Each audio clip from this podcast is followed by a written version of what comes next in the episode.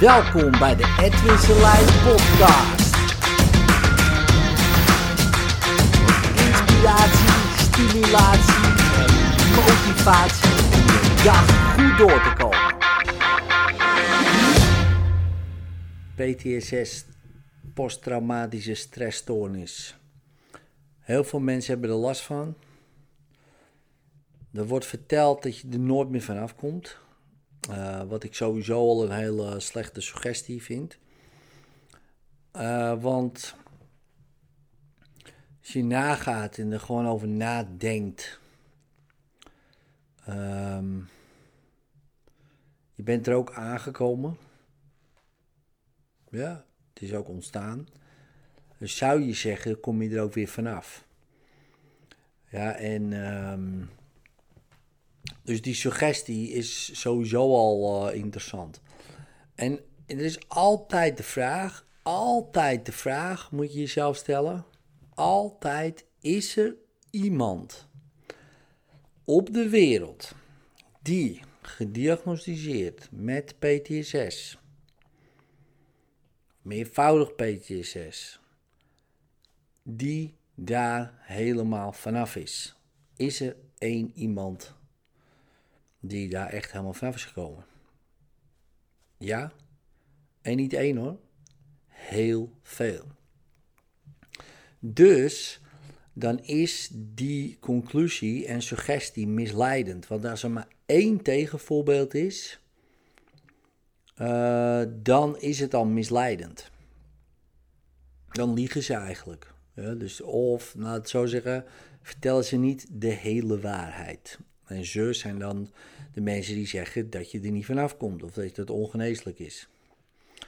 Ja, dus, dus dat, dat is dan niet zo. Dus dat is uh, dan maar een halve waarheid of misschien een driekwart waarheid zou kunnen. Um, en wat er daardoor gebeurt, is dat die waarheid deels in stand blijft. Want stel je voor, we hadden meteen al gezegd: ja, het is heel lastig om er vanaf te komen sommige mensen die, uh, ja, die kunnen echt jaren struggelen ermee. Er zijn mensen, ja, die, uh, die zijn er gewoon vanaf gekomen. Dan vertel je uh, wat meer de waarheid. Hè? Ehm, en wat gebeurt er dan met het percentage wat wel, laten we zeggen, geneest tussen haakjes als je het zou bestempelen als een ziekte. wat ik niet zo zie, maar goed, zo wordt het dan gezegd.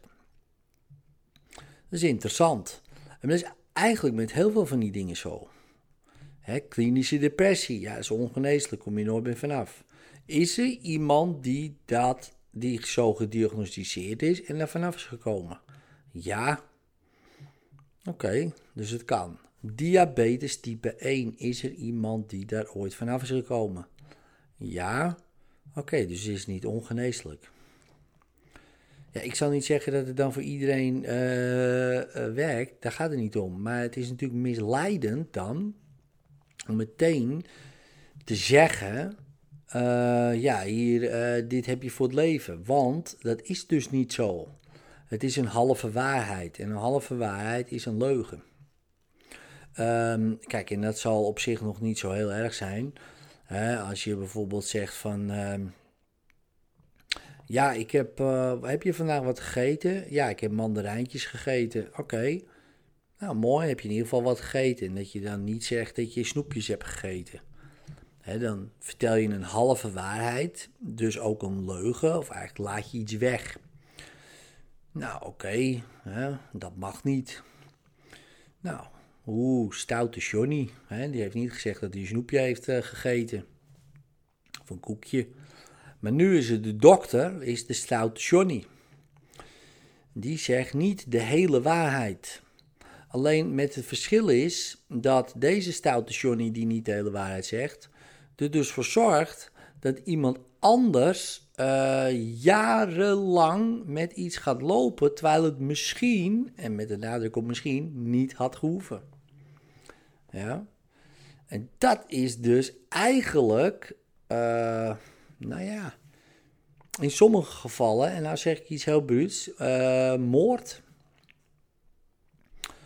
En niet met volbedachte raden, dus eigenlijk is het geen moord, maar dan zou je zeggen doodslag. Ja, want voor sommige mensen betekent dat de doodslag. dus uh, voor de rest van je leven een kutleven, of zelfs nog erger, als het gaat om ernstige ziektes, letterlijk de doodslag. Um, en dan begrijp ik wel dat je eerlijk moet zijn en duidelijk moet zijn. En ook moet zeggen van ja, gast, uh, er is ook een kans dat je gewoon hier uh, de rest van je leven mee blijft uh, rondhobbelen. en bij heftige ziektebeelden kun je zeggen, ja, er is een kans dat je hier komt aan het overlijden. Oké, prima, maar dat is een kans. Dat is niet per se een vaststaand feit. En een kans is heel wat anders. Een kans dat je overlijdt. Maar goed, die kans heb ik nu ook dat ik overlijd. Ja, dus er verandert eigenlijk niet zo heel veel in mijn leven. Alleen de kans wordt nu misschien groter dat ik aan bijvoorbeeld de gevolgen van die ziekte overlijd. Maar de kans dat ik overlijd is vrijwel 100%. op het moment dat ik geboren werd was die kans 100%. Dus in principe verandert er niet zo heel veel aan. Alleen het voelt natuurlijk heel anders dus uh, als ik tegen iemand zeg, nou ja, de kans dat je komt overlijden is 100%. Zeg je, wat erg. Nou ja, die kans was er natuurlijk al, hè, want je bent geboren. En de kans dat je zou overlijden is 100%. We kennen niemand die uh, nog steeds leeft. Uh, weet je wel, en ook niemand die terug is gekomen of wat dan ook. Dus ja, die kans is 100%. Oh, bedoel je het zo? Ja. Maar goed, de kans dat je aan de gevolgen van deze ziekte komt overlijden is vrij groot is niet 100%.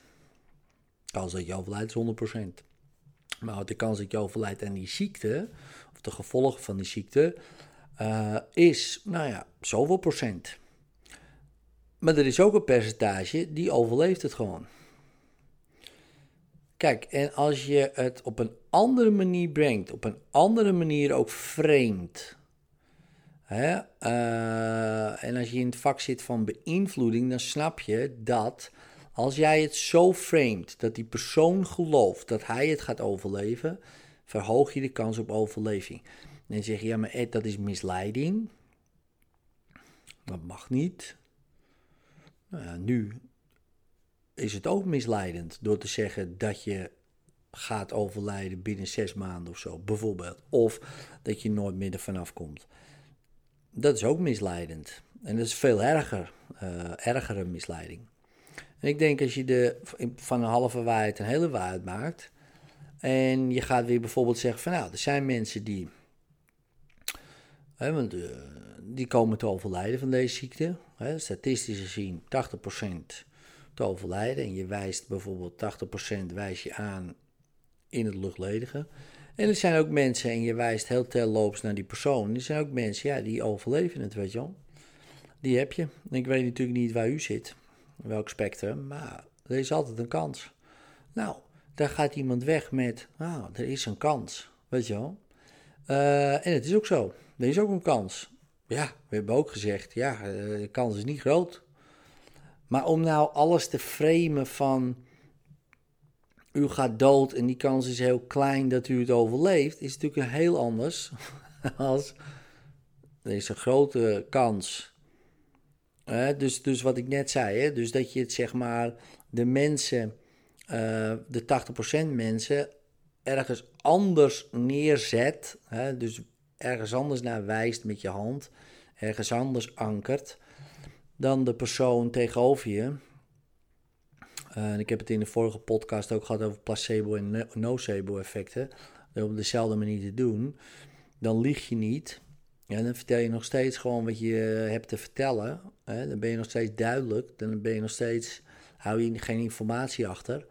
Maar kan je alles vertellen. Hè? En, uh, en het is natuurlijk uh, van de zotte dat, dat je alleen informatie gaat vertellen ja, die niet helpend is. Dat is natuurlijk gek. Zeker als je in het vak zit van genezen en, uh, en mensen helpen. Moet je juist ook de informatie geven die ze verder helpt en geneest. Of in ieder geval de kans vergroot op genezen. En nou, gisteren had ik dus een sessie met iemand uh, met PTSS. En uh, die had ik in het seminar ook al geholpen. Voor 300 mensen. En dat was echt een sloopkogelsessie. Hè? Dus in een half uur tijd, boom, in één keer bevrijd. Mensen zagen hem ook veranderen. Zijn hele gezicht was anders, alles wat anders. Ehm, hij was opeens rustig. Hij was in 35 jaar niet zo rustig geweest. Trauma was weg. Maar 35 jaar is tegen me gezegd, daar kom je nooit meer vanaf. 35 jaar is tegen hem gezegd uh, van uh, dit is heel moeilijk en uh, daar moet je mee leren omgaan en leven. Dus hij raakt in de war. Want hij voelt iets anders dan wat er gezegd werd. Dus wat gebeurt er dan? Ehm, dan twee dingen, drie dingen eigenlijk. Eén, shit, waarom hebben ze dat 35 jaar geleden dan ook niet gedaan, weet je wel? Want dan had ik al die 35 jaar niet met deze shit moeten rondlopen. Hij doet het in 35 minuten, bij wijze van spreken. Waarom hebben ze dat niet gedaan? Oké. Twee, wat ga ik doen met de rest van mijn leven? Want ik ben het zo gewend, dit, is mijn leven gewoon, dit is mijn houvast. Dat dus de toekomst, verleden toekomst. En drie, waarom werkt dit? Weet je wel? Nou, die drie vragen spelen. Dus ik zag hem gisteren. Zegt Ed, jongen, het is helemaal terug. Het is allemaal weer precies hetzelfde. En dat had ik al wel verwacht, ja. En niet dat het terugkomt, maar dat hij het opnieuw creëert. Want terugkomen kan helemaal niet, want het is weg. Maar kan het wel weer opnieuw creëren. Uh, omdat het gewoon te snel ging, te heftig was, te uh, verwarrend was. Ja, dan ga je toch weer terugpakken op uh, zekerheden. Al zijn die zekerheden natuurlijk shit. Nou, daar hebben we nu wat uitgebreider over gehad. Ik denk een sessie van een uurtje of twee. Uitgelegd. Alles in kaart gebracht. Verleden, toekomst en, en nu. En uitgelegd waarom dit dus werkte. Nou, weer wat oefeningetjes gedaan. En opeens was hij weer rustig. Alleen nu met een veel beter besef van... Ah ja, dit kan gewoon. Weet je wel? Zo werkt het dus. Ah, dit kan. Ja, en ik zal niet zeggen dat hij nu, na deze sessie, helemaal bevrijd is. Kans is zeer groot dat het wel zo is. Maar goed, dan moet hij zijn leven nog weer gaan oppakken. Dan heb je nog allemaal dingen die spelen. Uh, ook natuurlijk met uh, defensie en andere dingen. dus uh, er spelen heel veel, heel veel dingen. Um, nou, en dan begeleid ik hem nog weer.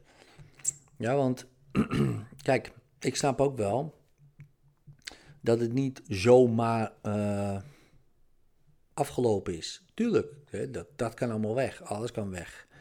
Alles kan veranderen. En dan? Dat is een goede vraag. En dan? Wat ga je dan doen met de rest van je leven? Ah shit man, geen idee. Dat is eigenlijk nog misschien nog wel enger. of uh, of de, de spijt die je hebt van al die 35 jaar daarvoor, al de dingen die je gemist hebt. Nou, daar moet je iemand goed in begeleiden. Nou, als je dat goed doet, nou, dan is hij na een paar sessies, denk ik. En misschien zie ik hem nog 1, 2, 3 keer, geen idee. Um, of misschien belt hij wel, het jongen, ik hoef je niet meer te zien, maar ik voel me prima. Kan ook nog, hè. die kans uh, is ook aanwezig, uiteraard. En daar hebben we het over gehad. Ik zeg, jongen, er staat geen tijd op. Ik zeg, dat maakt niet uit. Desnoods zien we elkaar nog vijf, zes keer over een tijdspanne van een jaar. Wat kan mij schelen? Mij kan het niks schelen. Het gaat erom dat die man op een gegeven moment weer helemaal goed op de rit is. En wat ik dan zo um, interessant vind, uh, daar hebben we het natuurlijk ook over gehad, is de therapievormen die er nu worden gebruikt. Die eigenlijk uh, wetenschappelijk nu gezien, hè, sinds de laatste recente onderzoeken, vooral over geheugen en herinneringen, um, dat ze precies die dingen doen die het juist erger maken. Uh, ook wetenschappelijk onderbouwd dat het erger wordt. En er nog steeds doen. Uh, en dat snap ik dus niet. En dan kijken ze naar hoe ik werk. Bijvoorbeeld die mensen in het seminar, die zien mij dan een volgesprek houden met die man. En dan denk je, nou ja, zeg, dat kan je toch niet maken, op zo'n manier dat doen. En die snappen niet uh, waarom ik dat doe. En ik snap ook wel dat ze dat niet snappen, omdat ik het niet heb uitgelegd. Hè, maar ik baseer me op recente wetenschappelijke studies. Uh, hoe het geheugen werkt, hoe herinneringen opnieuw worden opgeslagen en wat je kan doen dat die herinnering gewoon minder impact heeft, minder triggert en dat, die, dat het brein weer zeg maar rustig wordt, zou je kunnen zeggen. Um, en daar gebruik ik uh, heel veel humor voor. Um, en heel, maar goed, dat is mijn stijl. en een beetje provocatie. en, eh, maar het gaat niet om de buitenkant, het gaat om de structuur, de procedure en waarom ik expres ehm, juist hele andere gevoelens wil verankeren aan bepaalde triggerwoorden en triggersituaties. Nou, en als je dat snapt, het proces van in dit geval reconsolidatie en het reconsolideren van de herinnering en uh, met positievere gevoelens, zodat die triggerwoorden niet meer angst oproepen, maar eigenlijk een soort van uh, grappig zijn. Als je dat kan bereiken natuurlijk bij iemand, en als je erover nadenkt, klinkt het ook heel logisch. Hè, als de spin jou triggert tot een fobie, fobische reactie en opeens na een sessietje van een uur triggert die spin eigenlijk alleen maar lachsalvo's, ja, dan is de kans natuurlijk zeer, zeer groot dat jij gewoon in september tijdens spinnentijd je een heel goed gevoel hebt als je langs al die bosjes loopt. In plaats van dat je thuis blijft zitten, panisch uh, en maar afwacht tot september voorbij is. Dan kan je niet wachten tot september begint. Dan denk je, oh, al die spinnetjes geinig man, zoiets. Hè, nou is dat misschien overdreven, hè, dus uh, dat dat de reactie wordt. Maar je kan je wel voorstellen dat het dus neutraliseert. Hè, dat iemand zich gewoon prima dus voelt bij een spin. Ja, en dan snap je ook waarom, als je dat principe begrijpt en je kijkt dan naar hoe het nu gaat, zo serieus, zo Oh, dat je echt denkt, man, als ik daartussen zit in die praatgroep in zo'n therapiesessie, heb ik ook een trauma. Weet je wel? En dan vinden ze het gek dat na een paar praatsessies het op broeder gaat. denk ik van, ja, dat is uh, wel logisch natuurlijk als je het uh, onderzoek van reconsolidatie erbij pakt. Wordt alleen maar broeder.